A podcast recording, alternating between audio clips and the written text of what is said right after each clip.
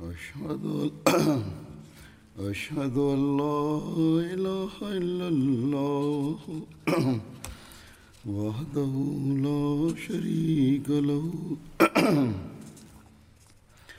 وأشهد أن محمدا عبده ورسوله. أما بعد فأعوذ بالله من الشيطان الرجيم. بسم الله الرحمن الرحيم.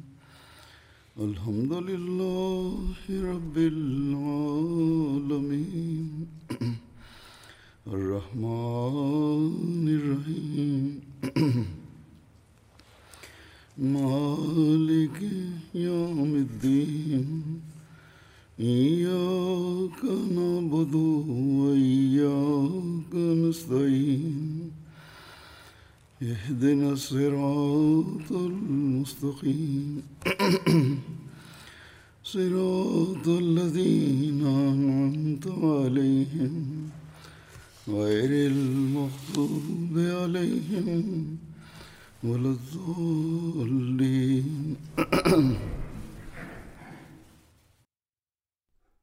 Saya akan menyampaikan beberapa peristiwa dalam kehidupan Hadrat Abu Bakar Siddiq radhiyallahu anhu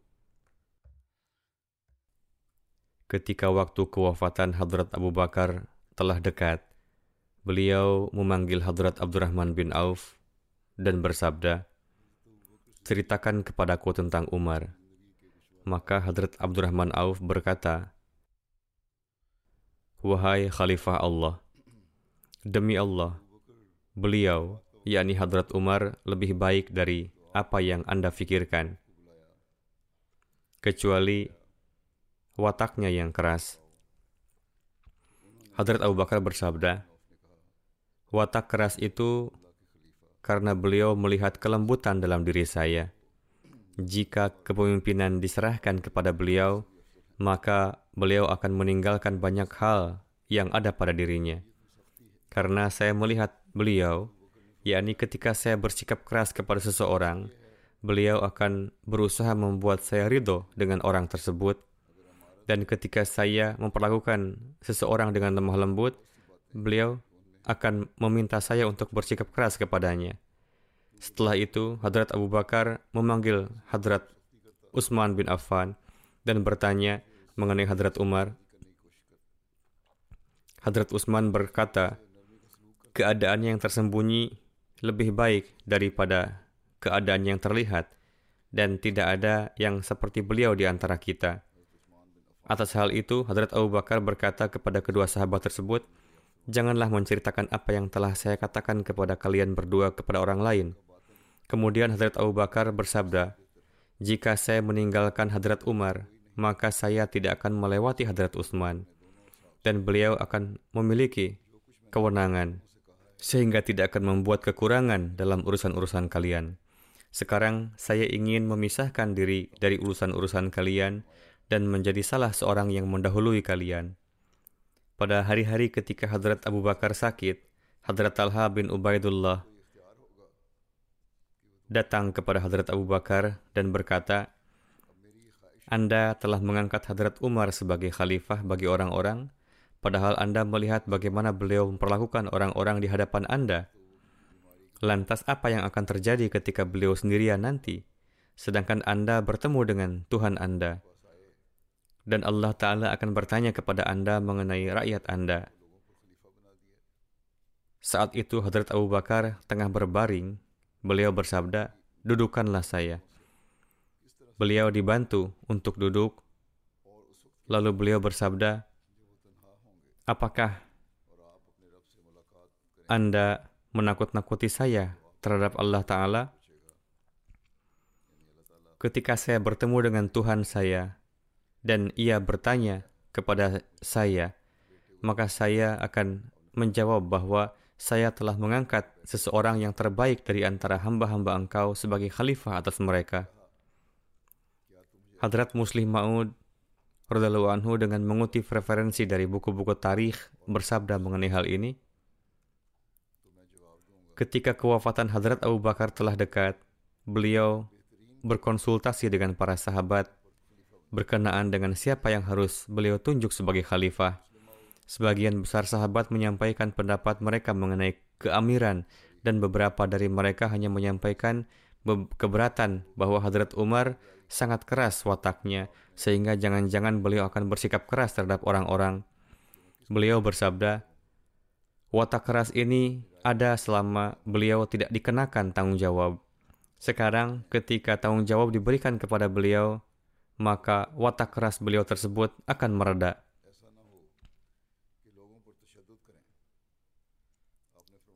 Lalu seluruh sahabat sepakat akan kekhalifahan Hadrat Umar. Karena kondisi kesehatan beliau telah sangat buruk, Hadrat Abu Bakar dirawat oleh istri beliau, Asma, dan dengan kondisi kaki beliau terhuyung-huyung dan tangan gemetar, beliau datang ke masjid dan berbicara ditujukan kepada seluruh umat Islam. Beliau mengatakan, selama berhari-hari saya telah merenungkan masalah ini, yakni jika saya meninggal, siapa yang akan menjadi khalifah kalian? Akhirnya, setelah banyak merenungkan dan berdoa, saya merasa pantas untuk mencalonkan Umar sebagai khalifah. Jadi, setelah kewafatanku, Umar akan menjadi khalifah kalian. Semua sahabat dan orang-orang lain yang mengakui kepemimpinan ini, dan setelah kewafatan Hadrat Abu Bakar, bayat dilakukan kepada Hadrat Umar. Kemudian di tempat lain, Hadrat Muslim Ma'ud bersabda, seraya menjawab keberatan mengenai mengapa beliau dicalonkan, beliau bersabda, jika dikatakan bahwa seorang khalifah hanya dapat dipilih oleh umat, lalu mengapa Hadrat Abu Bakar mencalonkan Hadrat Umar? Maka jawabannya adalah bahwa beliau tidak mencalonkan begitu saja, melainkan terbukti bahwa beliau terlebih dahulu meminta saran dari para sahabat. Satu-satunya perbedaan adalah bahwa khalifah lainnya dipilih setelah kewafatan khalifah sebelumnya, sementara Hadrat Umar dipilih ketika Hadrat Abu Bakar masih ada. Kemudian beliau tidak berhenti sampai di situ, yakni Hadrat Abu Bakar tidak berhenti sampai di situ, dan tidak merasa cukup dengan mengumumkan kekhalifahan Hadrat Umar setelah meminta saran dari beberapa sahabat, bahkan meskipun sedang sakit parah dan sangat lemah, beliau datang ke masjid dengan dibantu oleh istri beliau dan bersabda kepada orang-orang, Wahai manusia, setelah saya meminta saran dari para sahabat, saya menyukai Umar sebagai khalifah setelah saya. Apakah kalian juga menyetujui kekhalifahannya? Atas hal itu, semua orang menyatakan persetujuan mereka. Jadi ini juga merupakan suatu corak pemilihan.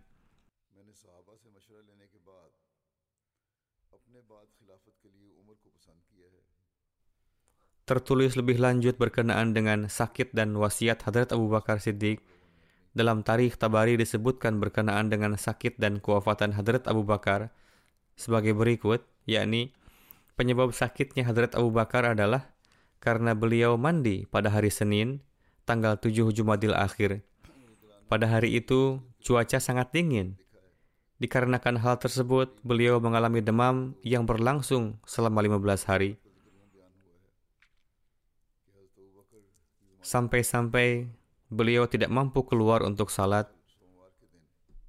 Beliau memerintahkan supaya Hadrat Umar terus mengimami salat. Orang berdatangan mengunjungi beliau namun kondisi beliau semakin buruk dari hari ke hari. Saat itu, Hadrat Abu Bakar tinggal di rumah yang diberikan oleh Rasulullah yang terletak di depan rumah Hadrat Utsman bin Affan. Hadrat Utsman yang paling banyak merawat beliau selama sakit. Beliau sakit selama 15 hari. Seseorang mengatakan kepada beliau bahwa alangkah baiknya jika beliau memanggil tabib Beliau menjawab, dia telah memeriksa saya. Orang-orang bertanya kepada beliau, apa yang dia katakan kepada Anda? Beliau bersabda, Inni af'alu ma asya. Aku melakukan apa yang aku kehendaki. Dalam riwayat lain, ketika Hadrat Abu Bakar jatuh sakit, orang-orang bertanya, apakah kami perlu memanggilkan tabib untuk Anda? Maka Hadrat Abu Bakar bersabda, dia telah memeriksa saya dan mengatakan, Inni fa'alu lima urid. Aku pasti akan melakukan apa yang aku kehendaki.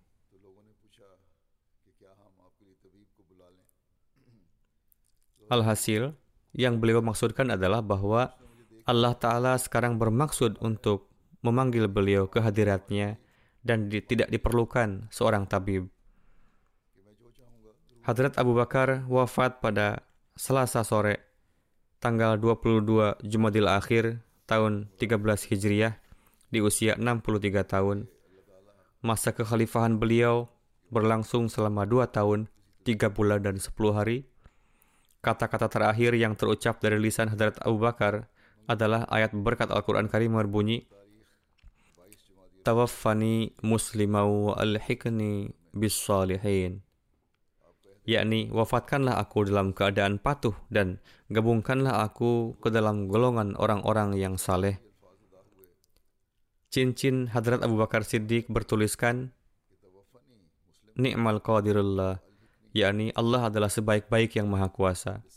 Hadrat Aisyah menuturkan bahwa Hadrat Abu Bakar bersabda, setelah menyelesaikan pengurusan pemakaman saya, pastikanlah tidak ada sesuatu yang tersisa. Barang-barang lainnya telah diserahkan kepada Hadrat Umar sehingga tidak ada yang tersisa. Jika masih ada, maka itu pun harus dikirimkan kepada Hadrat Umar. Berkenaan dengan pemakamannya, beliau bersabda, Cucilah kain yang ada di badan saat ini dan tutupilah dengan kain lainnya.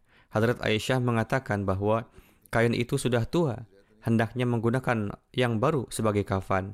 Beliau bersabda, orang yang masih hidup lebih berhak atas pakaian yang baru daripada orang yang mati. Pakaikanlah kain yang masih baru itu kepada mereka yang masih hidup. Hal ini lebih baik.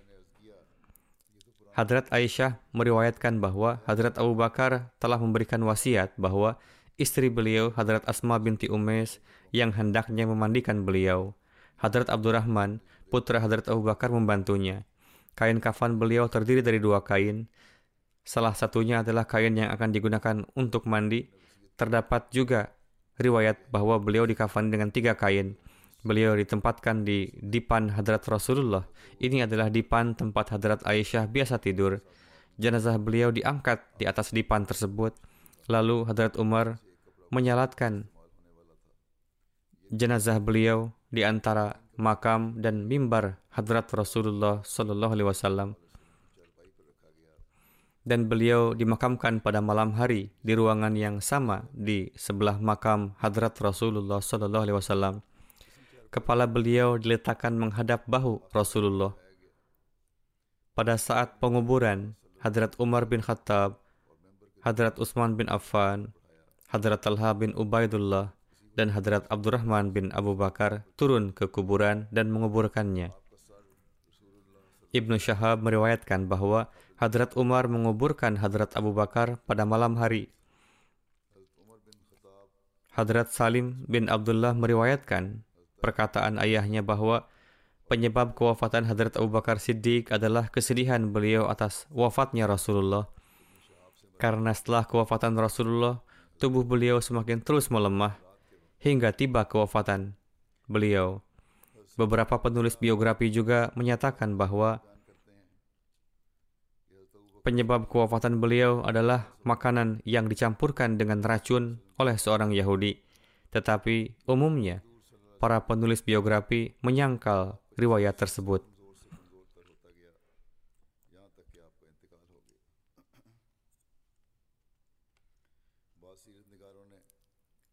Hadrat Aisyah meriwayatkan, ketika waktu kewafatan Hadrat Abu Bakar telah dekat, beliau bertanya, hari apa sekarang? Orang-orang menjawab, hari Senin. Hadrat Abu Bakar bersabda, jika saya meninggal hari ini, saya tidak harus menunggu besok. Karena saya menyukai siang atau malam yang lebih dekat dengan Rasulullah. yakni lebih baik jika beliau dimakamkan di sana. Hadrat Abu Bakar bersabda mengenai warisannya, Sepeninggal saya, bagikanlah itu sesuai dengan hukum-hukum Al-Quran. Demikian juga terdapat riwayat bahwa beliau mewariskan seperlima dari kekayaannya kepada kerabat yang bukan ahli waris.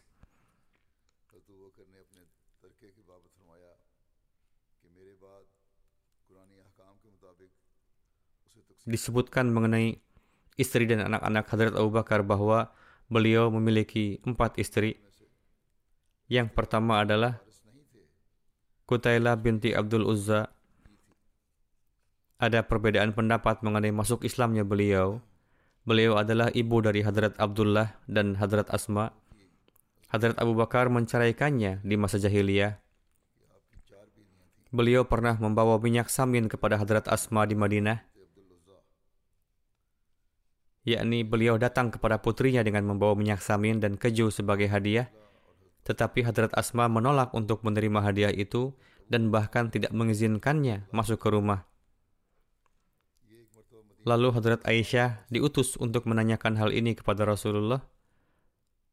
Hadrat Asma berkata kepada Hadrat Aisyah, Tanyakanlah dan ceritakanlah bahwa ibu saya telah datang dengan membawa hadiah.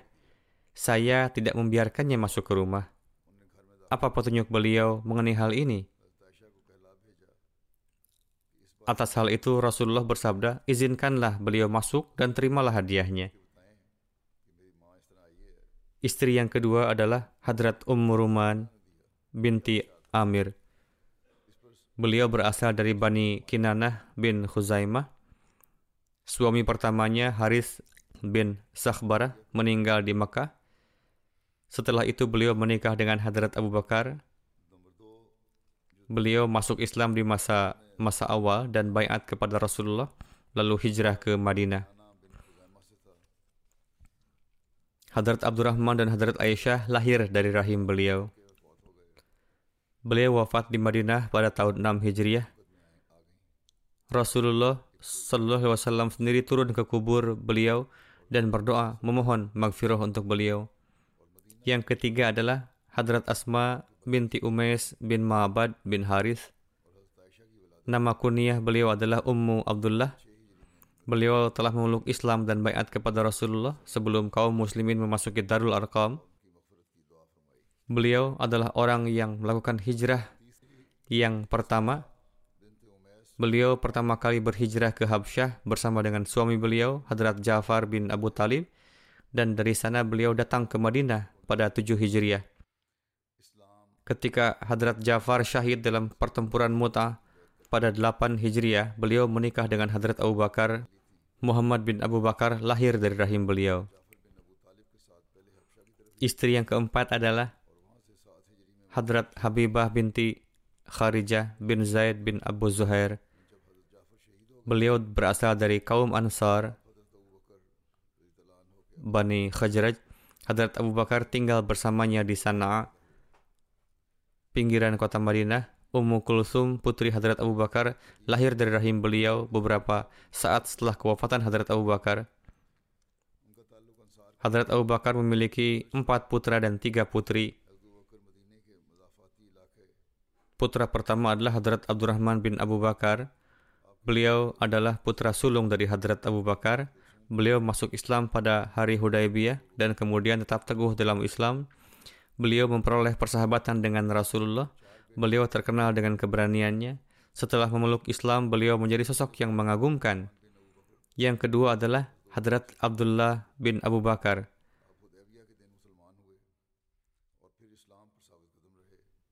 Beliau memainkan peranan penting pada kesempatan hijrah Rasulullah SAW ke Madinah. Beliau menghabiskan sepanjang hari di Mekah dan mengumpulkan informasi dari orang-orang Mekah dan kemudian pada malam hari beliau diam-diam pergi ke gua dan menyampaikan informasi tersebut kepada Rasulullah dan Hadrat Abu Bakar lalu kembali ke Mekah di pagi hari. Dalam pertempuran Taif, beliau terkena anak panah dan lukanya tidak kunjung sembuh. Akhirnya, dikarenakan luka tersebut, beliau syahid di masa kekhalifahan Hadrat Abu Bakar.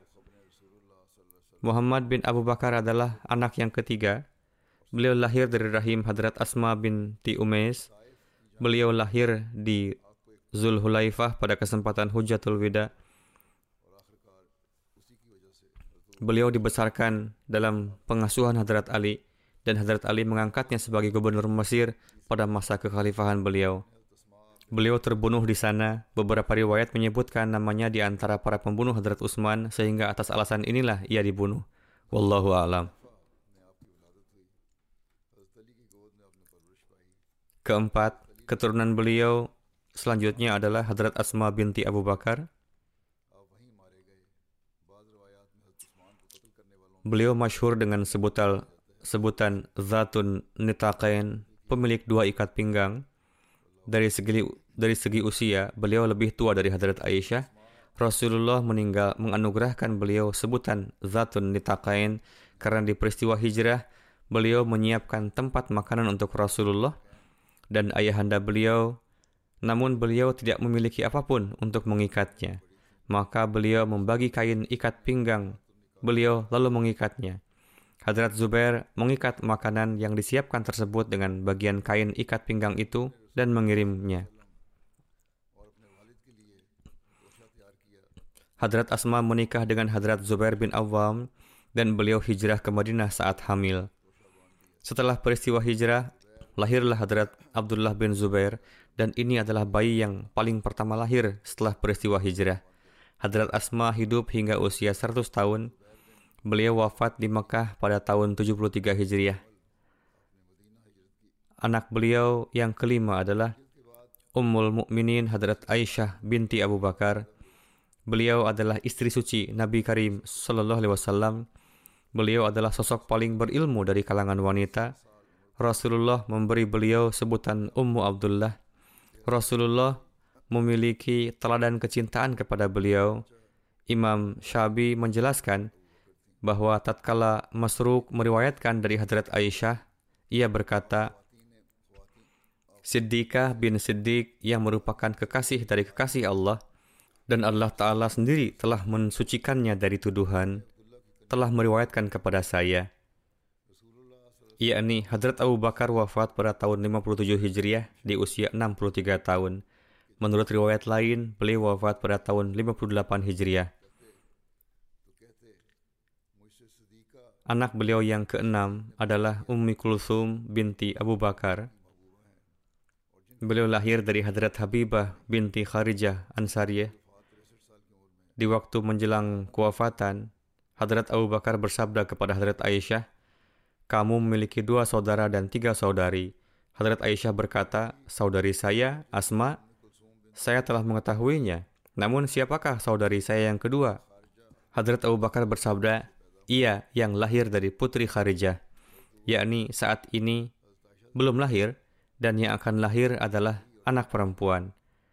Hadrat Aisyah berkata, di dalam hati saya telah beranggapan bahwa ia memiliki anak perempuan dan demikianlah yang terjadi. Ummi Kulsum lahir setelah kewafatan Hadrat Abu Bakar. Ummi Kulsum menikah dengan Hadrat Talha bin Ubaidullah yang disyahidkan di Perang Jamal. Menurut beberapa riwayat, salah satu putri Hadrat Abu Bakar menikah dengan Hadrat Bilal.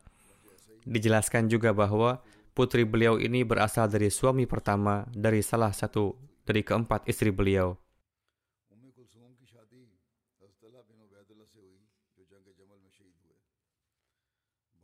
Mengenai pengelolaan pemerintahan, tertera, tatkala ada suatu perkara yang dihadapi oleh Hadrat Abu Bakar, lalu bagaimana beliau mengatur jalannya pemerintahan, Kemudian jika beliau memerlukan pendapat-pendapat dari para pemberi pendapat, ketika beliau ingin mencari pendapat dari para ahli fikih, beliau pun memanggil Hadrat Umar, Hadrat Utsman, Hadrat Ali, Hadrat Abdul Abdurrahman bin Auf, Hadrat Muaz bin Jabal, dan Hadrat Zaid bin Sabit dari kalangan muhajirin dan ansar. Atau terkadang beliau mengumpulkan kalangan muhajirin dan ansar dalam jumlah banyak.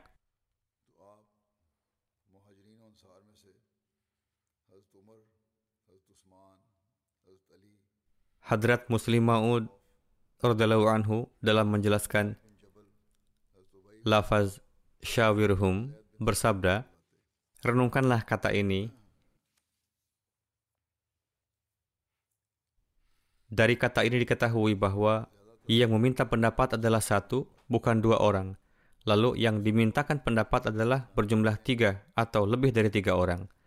Lalu ia akan merenungkan seluruh pendapat-pendapat tersebut dan pada akhirnya terdapat perintah faida azam tafatawakkal Allah yakni jika telah berketetapan hati akan suatu hal maka sempurnakanlah itu dan jangan menghiraukan hal lain yakni hendaknya mengambil saran-saran setelah mendapatkannya maka pertimbangkanlah lalu amalkanlah dan janganlah menghiraukan siapa pun.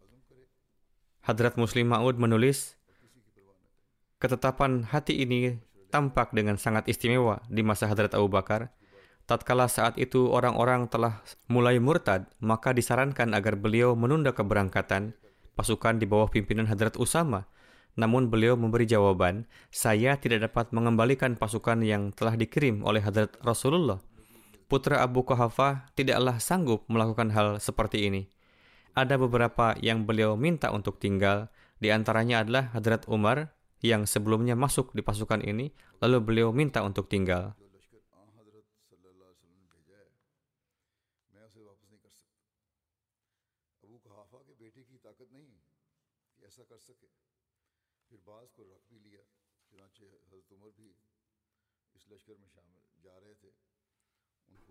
Kemudian tentang zakat dikatakan bahwa bebaskanlah mereka dari zakat agar mereka terhindar dari kemurtadan.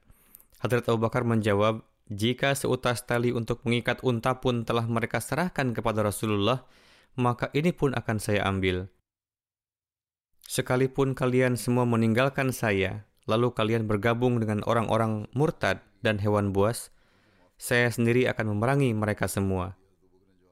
Ini adalah contoh ketetapan hati beliau, apa yang terjadi selanjutnya Anda mengetahuinya. Ini adalah keteguhan Hazrat Abu Bakar, tatkala yang lain memberi pendapat-pendapat yang berbeda, namun lihat apa yang terjadi. Dari teladan keteguhan yang beliau perlihatkan ini, Allah Ta'ala telah membukakan pintu-pintu kemenangan karena keteguhan beliau. Ingatlah, tatkala manusia telah takut kepada Tuhan, maka wibawa makhluk mana pun tidak akan berpengaruh padanya. Inilah hakikat dari kedudukan khilafat. Pendirian Baitul Mal di masa Rasulullah SAW yang penuh berkat, harta yang datang dari bagian ghanimah, khumus, fa'i, zakat, dan lainnya langsung beliau bagikan saat itu juga di hadapan semuanya, sembari duduk di masjid. Dalam corak ini, dapat disimpulkan bahwa lembaga Baitul Mal telah ada sejak era kenabian. Jelaslah bahwa di era Hadrat Abu Bakar, kecuali di beberapa waktu saja, lembaga ini mulai mendapat cukup banyak penerimaan dari ghanimah dan jizyah dikarenakan kemenangan-kemenangan yang diraih. Hadrat Abu Bakar merasakan perlunya didirikan satu tempat untuk Baitul Mal supaya harta yang ada dapat disimpan di sana terlebih dahulu sebelum dibagikan atau dipergunakan. Maka dari itu, sesuai dengan saran dari para sahabat terkemuka, beliau mengkhususkan satu tempat untuk ini. Namun Baitul Mal ini hanya sekedar nama saja, karena Hadrat Abu Bakar selalu berupaya agar harta ini dibagikan sesuai dengan kepastian berapa jumlah dan jenisnya. Menurut beberapa riwayat, tanggung jawab lembaga Baitul Mal ini ada di pundak Hadrat Abu Ubaidah. Di permulaan, Hadrat Abu Bakar mendirikan Baitul Mal di lembah di lembah Sana'a. Beliau tidak mengangkat satu penjaga untuknya. Sana'a berada di sekitar Madinah, jarak kurang lebih dua mil dari Masjid Nabawi. Pada satu kali, ada seseorang bertanya, mengapa beliau tidak mengangkat seseorang untuk menjaga Baitul Mal? Hadrat Abu Bakar menjawab, satu induk kunci adalah cukup untuk menjaganya. Yakni cukuplah ia terkunci. Karena apa pun yang terkumpul di Baitul Mal beliau lantas membagikannya, sehingga di banyak waktunya, Baitul Mal adalah kosong atau sama sekali kosong. Lalu tatkala beliau berpindah ke Madinah, beliau memindahkan Baitul Mal ke rumah beliau. Cara beliau adalah bahwa kapan pun harta masuk ke Baitul Mal, beliau langsung membagikannya ke segenap orang hingga Baitul Mal pun menjadi kosong. Beliau memberi sama rata dalam membagikannya. Dari harta inilah beliau membeli unta, kuda, senjata, dan membagikannya di jalan Allah Ta'ala. Satu saat beliau membeli kain dari seorang Arab Badui lalu membagikannya kepada segenap janda di Madinah. Beliau pasti sering melakukan hal ini. Meski demikian, tentang hal ini tertera satu kali di satu riwayat. Tentang tunjangan yang diperuntukkan bagi Hadrat Abu Bakar dari Baitul Mal, tertera bahwa tatkala Hadrat Abu Bakar telah terpilih menjadi khalifah, maka beliau diberi suatu tunjangan untuk memenuhi kebutuhan-kebutuhan beliau. Hadrat Aisyah menjelaskan, tatkala Hadrat Abu Bakar Siddiq menjadi khalifah, beliau bersabda, Bangsa saya mengetahui bahwa mata pencaharian saya sebelum ini bukanlah pekerjaan yang tidak dapat memenuhi kebutuhan keluarga saya. Pemasukan saya dulu adalah sedemikian rupa, di mana saya dapat menjalani rumah tangga dengan nyaman. Namun kini saya sibuk dalam tugas-tugas kaum muslimin.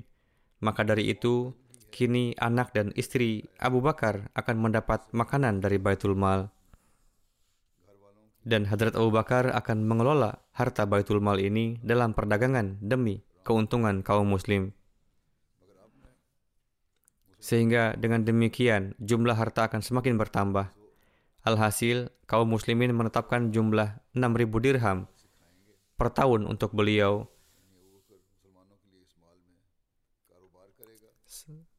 Sebagian menuturkan bahwa Hadrat Abu Bakar menyetujui jumlah yang secukupnya untuk kebutuhan beliau. Beliau adalah wali, yakni sosok pemimpin suatu pemerintahan, yang mana para warganya sepakat akan tugas-tugas beliau. Di dalam satu riwayat tertera bahwa tatkala Hadrat Abu Bakar diangkat sebagai khalifah, suatu hari beliau pergi ke pasar di pagi hari. Di pundak beliau ada kain yang dengannya beliau dahulu biasa berdagang. Hadrat Abu Bakar lalu berjumpa dengan Hadrat Umar bin Khattab dan Hadrat Abu Ubaidah bin Jarrah. Mereka bertanya, Wahai Khalifah Rasulullah, hendak ke manakah Anda? Beliau bersabda, saya sedang pergi ke pasar. Mereka berkata, apa yang Huzur lakukan? Huzur adalah wali dalam segenap urusan umat muslim. Hadrat Abu Bakar bersabda, lantas bagaimana saya memberi makan anak dan istri saya? Maka mereka menyampaikan bahwa bagian untuk beliau telah ditetapkan dan telah dianggarkan 3.000 dirham per tahun sebagai tunjangan untuk beliau. Menurut beberapa riwayat, sebagaimana telah saya sampaikan ada 6.000 dirham yang telah ditetapkan sebagai tunjangan. Menurut beberapa riwayat lainnya, jumlah untuk periode, seluruh periode kekhalifahan beliau adalah 6.000 dirham. Demikian pula, buku-buku sejarah kurang lebih sepakat bahwa meskipun Hadrat Abu Bakar mengambil bagian beliau dari Baitul Mal untuk memenuhi kebutuhan-kebutuhan beliau dan keluarga beliau, pada waktu kewafatan beliau mengembalikan seluruh uang tersebut.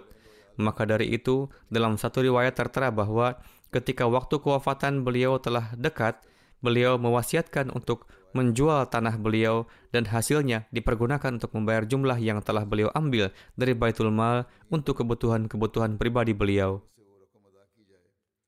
Di dalam satu riwayat lain tertera bahwa tatkala waktu kewafatan Hadrat Abu Bakar telah dekat, beliau bersabda kepada Hadrat Aisyah, "Semenjak kita menjadi khalifah, saya tidak pernah menggunakan sepeser pun dinar dan dirham milik kaum muslim dan saya senantiasa makan dan mengenakan pakaian sederhana." Sementara ghanimah milik umat muslim hanyalah ini, yakni hamba, sahaya, unta, dan kain-kain. Maka dari itu, serahkanlah semua hal itu kepada Umar setelah kewafatan saya.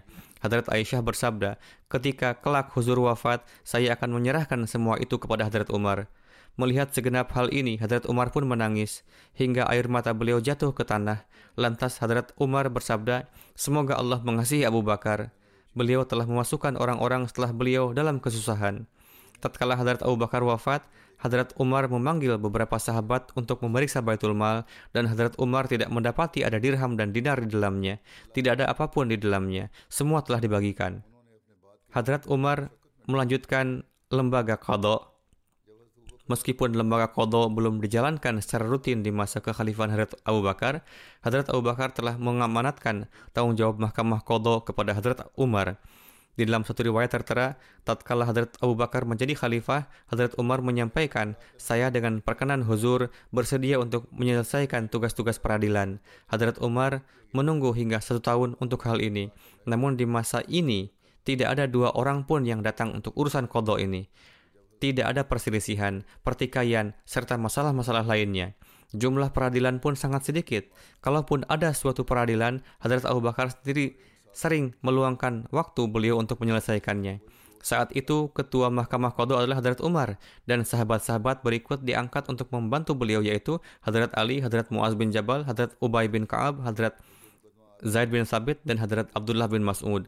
Hadrat Umar menerangkan, saat itu adalah masa di mana kedamaian dan kejujuran adalah sedemikian tinggi, di mana bulan demi bulan berlalu tanpa adanya dua orang yang datang kepada saya untuk meminta putusan.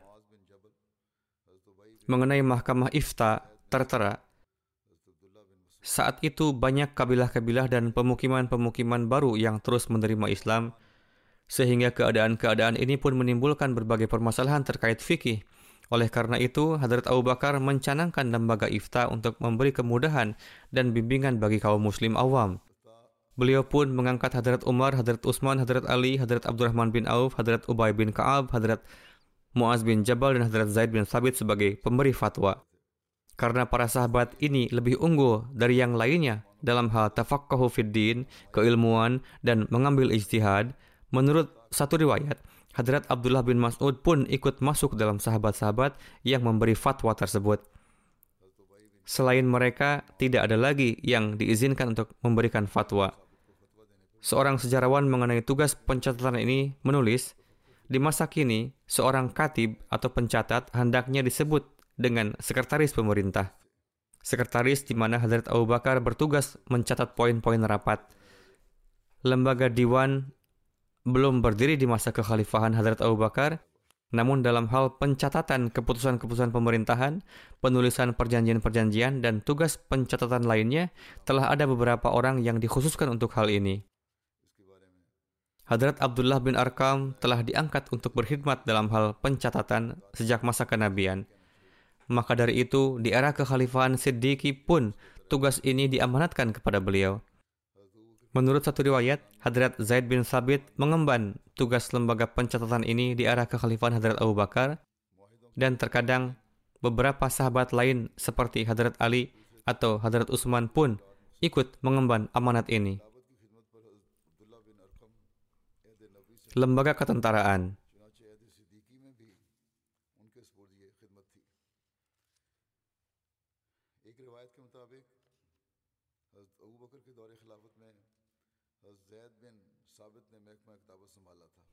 Terkait hal ini tertera, di masa Hadrat Abu Bakar tidak ada pengaturan tetap dalam hal kemiliteran. Di saat jihad, setiap muslim adalah mujahid. Pembagian pasukan disesuaikan dengan kabilah yang ada. Setiap kabilah memiliki amir yang berbeda. Dan di antara amir-amir itu ada kedudukan amir tertinggi yang diadakan oleh Hadrat Abu Bakar. Untuk menghimpun peralatan-peralatan perang, Hadrat Abu Bakar mengupayakan agar dari berbagai penerimaan yang ada, terdapat suatu anggaran terpisah dengan jumlah yang terukur untuk pengeluaran militer. Dan dengan anggaran ini akan dibeli berbagai senjata serta hewan tunggangan. Kemudian telah dikhususkan beberapa tempat penggembaan untuk perawatan hewan-hewan unta dan kuda untuk jihad.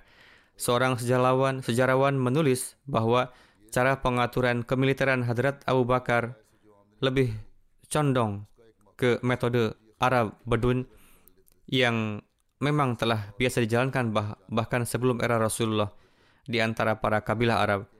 Saat itu tidak ada suatu pengaturan kemiliteran tetap dari pihak pemerintah karena setiap orang biasa menyerahkan dirinya untuk berkhidmat di berbagai pertempuran.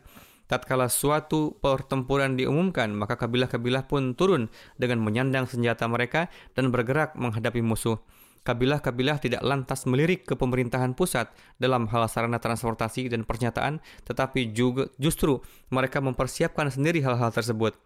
Pemerintah pun saat itu belum memberikan tunjangan kepada mereka dan mereka menjadikan harta ghanimah sebagai hak atas pengkhidmatan mereka.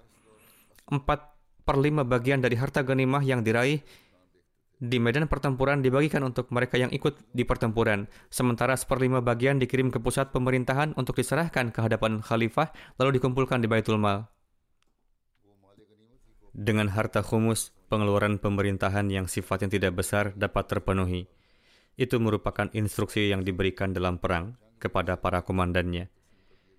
Berkenaan dengan Hadrat Abu Bakar, tertulis bahwa Hadrat Abu Bakar biasa memberikan instruksi kepada para jenderal dan komandan perang. Ketika berbicara kepada tentara Hadrat Usama, Hadrat Abu Bakar Siddiq bersabda, Saya nasihatkan sepuluh hal kepada kalian. Janganlah kalian berkhianat. Jangan mengambil genimah sebelum dibagi. Jangan melanggar janji. Jangan memutilasi. Serta jangan membunuh anak kecil atau orang lanjut usia maupun wanita. Jangan pula kalian merusak dan membakar pohon kurma. Janganlah kalian menyembelih hewan kecuali untuk dimakan kalian akan melewati suatu kaum yang berdiam di biara-biara, biarkanlah mereka. Kalian akan melewati suatu kaum yang menyuguhkan makanan dalam berbagai wadah. Makanlah itu dengan menyebut nama Allah. Kalian juga akan menemukan yang tidak menyisakan rambut pada bagian tengahnya dan meninggalkan rambutnya seperti empat helai. Maka perangilah mereka karena mereka memprovokasi untuk menentang umat Islam. Berangkatlah dengan menyebut nama Allah. Semoga Allah Ta'ala melindungi kalian dari berbagai luka, penyakit, dan wabah tahun. Demikian pula, Hadrat Abu Bakar bersabda saat mengutus Hadrat Yazid bin Abu Sufyan untuk berperang di Suriah. Saya telah menyampaikannya pada beberapa khutbah saya sebelumnya. Saya akan sampaikan lagi dengan meringkas beberapa poin pentingnya ini adalah poin penting untuk diingat oleh para pengurus jemaat. Beliau bersabda, "Saya mengangkat Anda sebagai wali supaya saya dapat menguji dan menilai Anda, dan agar saya mendidik Anda seraya mengirim Anda keluar. Jika Anda menjalani segenap kewajiban Anda dengan baik, maka saya akan kembali mengangkat Anda pada tugas ini dan akan menaikkan Anda." Tapi jika Anda melakukan kelemahan, saya akan memakzulkan Anda. Peganglah ketakwaan kepada Allah. Dia melihat batinmu seperti halnya dia melihat lahirmu. Di antara segenap manusia, yang paling dekat dengan Tuhan adalah mereka yang paling memenuhi hak persahabatan dengan Allah. Yang paling dekat kepada Allah di antara manusia adalah orang yang melalui amalannya, ia menjadi yang paling dekat dengannya. Menghindarlah dari kebodohan dan kebencian, Allah sangat membenci hal-hal ini dan mereka yang melakukannya. Perlakukanlah laskar dengan baik, hadapilah mereka dengan baik. Kemudian, ketika Anda menasihati mereka, sampaikanlah secara singkat, karena pembahasan yang panjang akan melupakan banyak hal. Perbaikilah diri Anda sendiri, niscaya segenap orang akan menjadi baik demi Anda. Jika Anda atau suatu pemimpin menjadikan dirinya baik, maka segenap orang dengan sendirinya akan menjadi baik. Dan dirikanlah salat-salat pada waktunya dan sempurnakanlah ruku dan sujudnya. Disiplin dalam salat sangatlah penting. Tatkala utusan musuh datang kepadamu, maka hormatilah ia. Jangan biarkan tinggal lama di tempat kita, dan segeralah ia keluar dari pasukanmu, supaya ia tidak dapat mengetahui ihwal pasukanmu. Dan janganlah mengabarkan tentang kegiatanmu kepadanya, dan cegahlah orang-orang Anda berbicara dengan mereka. Jika Anda sendiri berbicara dengan mereka, jangan ungkapkan rahasia Anda. Ketika Anda meminta musyawarah dari seseorang, katakanlah apa adanya. Dengan begitu, Anda akan mendapat saran yang tepat. Janganlah menyembunyikan perkara-perkara Anda pada sosok penasihat, karena ini akan membawa kerugian pada Anda. Berbincanglah dengan sahabatmu di waktu malam, maka Anda akan mendapatkan banyak berita. Dan himpunlah segenap informasi, maka hal-hal yang tersembunyi akan terungkap pada Anda. Adakanlah inspeksi mendadak ke pos-pos penjagaan mereka. Di mana saja Anda mendapati mereka lalai dalam tugasnya, nasihatilah mereka dengan sebaik-baiknya. Janganlah tergesa-gesa dalam menghukum, namun jangan juga mengabaikannya sama sekali.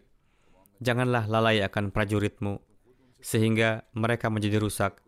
Janganlah merendahkan mereka dengan mencari-cari aib mereka. Janganlah menceritakan hal-hal rahasia mereka kepada orang lain. Cukuplah dengan apa yang ada pada mereka, dan janganlah duduk dengan orang-orang yang sia-sia. Duduklah bersama orang-orang yang benar dan setia Bersikaplah berani saat berhadapan dengan musuh. Jangan bersikap takut. Jika tidak, orang-orang Anda pun akan menjadi takut. hindarilah berkhianat dalam hal harta ghanimah, karena ini mendekatkan pada kemiskinan dan menunda pertolongan serta kemenangan. Ini banyak hal yang telah saya sampaikan. Beberapa di antaranya juga diperlukan selain untuk para perwira militer, seperti yang saya katakan sebelumnya, penting juga bagi para pengurus kita. Dengan begitu, dalam tugas-tugas akan meraih keberkatan. Saya telah sampaikan ringkasan ini dan pernah disampaikan juga sebelumnya untuk menjadi perhatian para pengurus jemaat berkenaan dengan pembagian pemerintahan Islam menjadi beberapa negara bagian tertulis bahwa pada masa kekhalifahan Hadrat Abu Bakar pemerintahan Islam dibagi menjadi beberapa negara bagian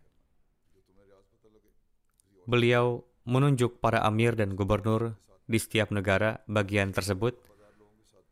Madinah adalah ibu kotanya. Hadrat Abu Bakar berdomisili di Madinah sebagai khalifah. Berkenaan dengan metode pengangkatan para pejabat adalah bahwa Hadrat Abu Bakar selalu mengikuti sunnah Nabi Suci Sallallahu Alaihi Wasallam saat mengangkat seorang gubernur di suatu negara bagian, yakni jika terdapat individu yang saleh dalam suatu daerah, beliau akan mengangkat gubernur dari antara mereka. Seperti itulah beliau mengangkat seorang gubernur di Taif dan di beberapa suku lain. Dan ketika beliau menunjuk seseorang sebagai gubernur, beliau akan memintanya untuk menulis surat perjanjian atas daerah itu dan sering menentukan cara untuk mencapai daerah itu untuknya dan di dalamnya beliau biasa menyebutkan tempat-tempat yang harus mereka lewati, khususnya jika penunjukan itu menyangkut daerah-daerah yang belum ditaklukkan dan berada di luar kendali khilafah Islamiyah. Dalam penaklukan Suriah dan Irak dan perang melawan orang-orang murtad, hal ini cukup menonjol dan terkadang beliau menggabungkan beberapa negara bagian dengan yang lain, terutama setelah memerangi para murtadin. Sebagaimana Hadrat Ziyad bin Labid yang merupakan gubernur Hadramaut, memasukkan Kanda di bawah pengawasannya dan setelah itu beliau menjadi gubernur Hadramaut dan Kanda. Pada masa Hadrat Abu Bakar, pengangkatan para pejabat pun memprioritaskan mereka yang lebih dulu masuk Islam dan seseorang yang telah mendapatkan tarbiyat dari Rasulullah yang telah bergaul dengan Nabi suci sallallahu alaihi wasallam. Dalam hal ini standar beliau adalah bahwa orang yang ditunjuk oleh Nabi suci Shallallahu Alaihi Wasallam untuk tugas itu, Hadrat Abu Bakar tidak akan pernah merubahnya. Misalnya, Hadrat Rasulullah telah menetapkan Hadrat Usama sebagai komandan laskar. Belakangan, beberapa orang menyarankan untuk menunjuk seorang sahabat senior untuk jabatan tersebut dengan memperhatikan sisi baiknya. Namun, Hadrat Abu Bakar tetap mempertahankan Hadrat Usama Demikian pula, beliau biasa melihat siapa yang menerima lebih banyak limpahan keberkatan dari Rasulullah Wasallam.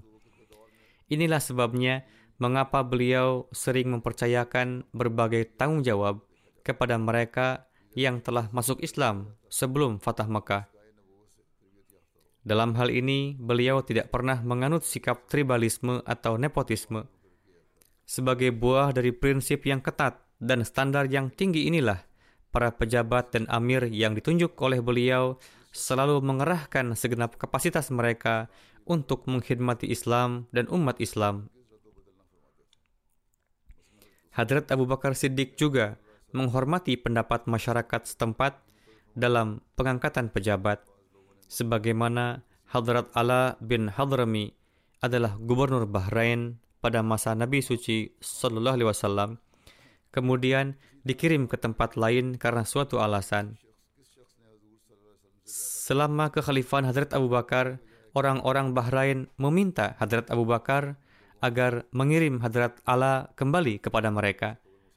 Untuk itu, Hadrat Abu Bakar mengangkat Hadrat Ala bin Hadrami sebagai gubernur Bahrain dan mengembalikannya kepada mereka. Hadrat Abu Bakar juga memberikan instruksi kepada para pejabat tertulis tentang hal ini bahwa Hadrat Abu Bakar sendiri biasa memberikan instruksi pada kesempatan pengangkatan pejabat. Sebagaimana dalam Tarikh At-Tabari, beliau bersabda ketika menasihati Amr bin As dan Walid bin Uqbah, Takutlah kepada Tuhan, lahir dan batin. Barang siapa yang takut kepada Allah, dia akan menciptakan baginya jalan keluar dan memberinya rezeki dari sumber yang tidak dia sangka-sangka. Barang siapa bertakwa, maka akan diampuni dosa-dosanya. Artinya, Allah mengampuni dosa-dosanya dan memberinya pahala yang berlipat. Menempuh ketakwaan kepada Allah adalah yang terbaik dari semua yang mana hamba Tuhan saling menasihati satu sama lain. Kalian sedang menempuh salah satu jalan Tuhan. Untuk itu, sikap mengabaikan apa yang diperlukan untuk kekuatan agama Anda dan mengabaikan keamanan pemerintahan merupakan kejahatan yang tak termaafkan.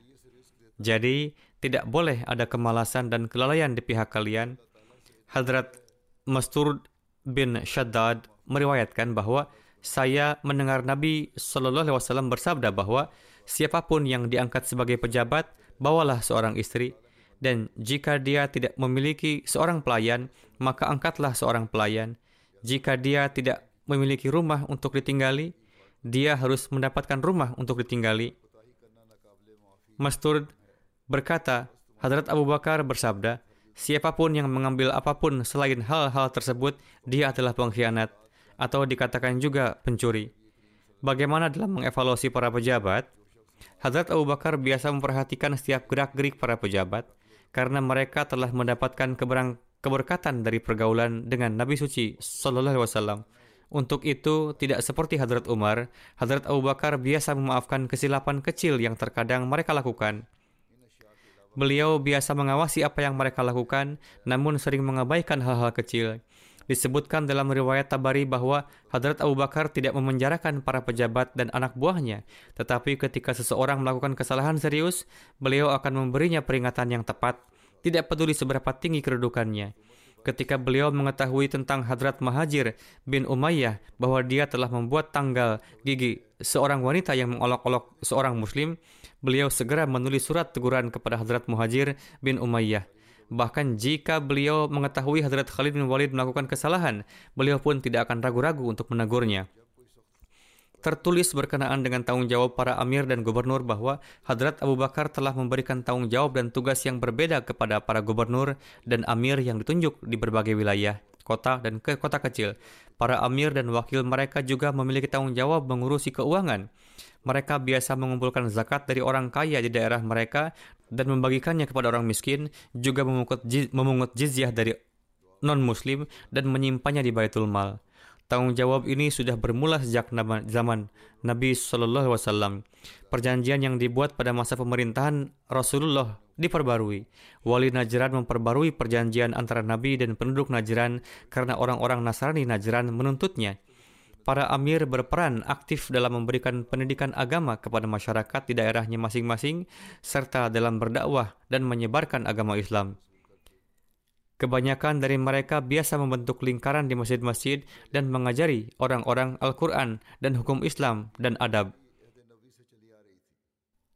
Mereka mengamalkan sepenuhnya sunnah Rasulullah SAW Tanggung jawab ini dianggap paling penting di mata Rasulullah dan khalifahnya, Hadrat Abu Bakar. Itulah sebabnya para amir dan gubernur Hadrat Abu Bakar menjalankan tanggung jawab ini dengan baik dan melakukannya dengan baik. Bahkan seorang sejarawan menulis tentang Amir Ziyad bin Labid yang ditunjuk Hadrat Abu Bakar bahwa ketika pagi tiba, Ziyad biasa mengajarkan Al-Quran kepada banyak orang, sebagaimana ia dahulu biasa mengajar Al-Quran sebelum menjadi amir. Demikian pula, melalui pendidikan dan pelatihan, para amir ini memainkan peran yang sangat penting dalam menyebarkan Islam di daerah mereka. Berkat pendidikan ini, Islam menjadi lebih kuat di daerah-daerah yang ditaklukkan dan di daerah-daerah yang banyak orang-orang murtad dan pemberontak. Di daerah di mana penduduknya banyak yang mu'alaf dan tidak mengetahui hukum hukum agama, pendidikan ini memberikan hasil yang signifikan di daerah-daerah ini. Sementara di pusat-pusat Islam yang kuat seperti Mekah, Taif, dan Madinah, guru-guru seperti itu ditunjuk untuk mengajar orang-orang. Mereka biasa menyelenggarakan pendidikan dan pelatihan. Semua ini dilakukan atas perintah khalifah atau amirnya, atau mereka yang secara khusus ditunjuk oleh khalifah untuk mengadakan program pendidikan di berbagai daerah. Amir atau gubernur daerah bertanggung jawab langsung atas urusan pemerintahan provinsinya. Jika ia harus melakukan perjalanan, ia akan menunjuk wakilnya yang akan mengawasi urusan administrasi sampai ia kembali. Contohnya adalah Hadrat Muhajir bin Abi Umayyah, diangkat sebagai gubernur Kanda oleh Rasulullah. Sepeninggal beliau pun Hadrat Abu Bakar tetap mempertahankannya di posisi yang sama.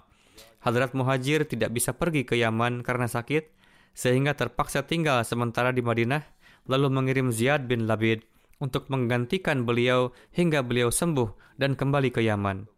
Hadrat Abu Bakar juga mengizinkannya.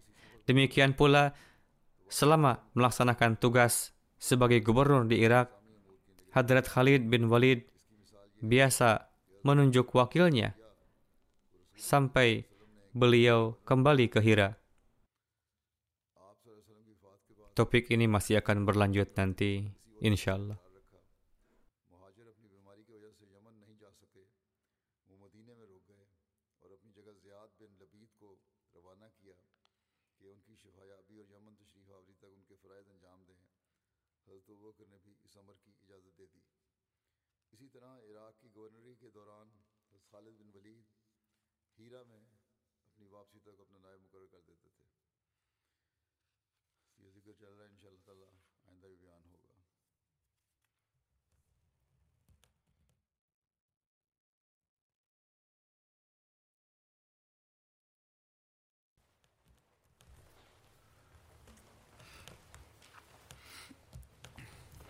الحمد لله الحمد لله نحمده ونستعينه ونستغفره ونؤمن به ونتوكل عليه.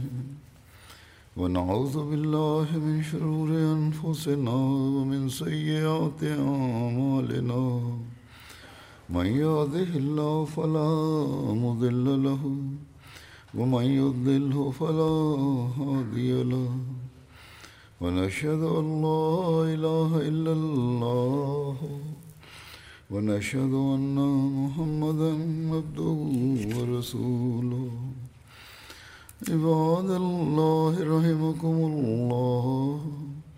إن الله يأمر بالعدل والإحسان وإيتاء ذي القربى وينهى عن الفحشاء والمنکر والبغی یعظکم لعلکم تذکرون. اذکروا اللہ یذکرکم ودوہ یستجب لکم ولذکر اللہ اکبر.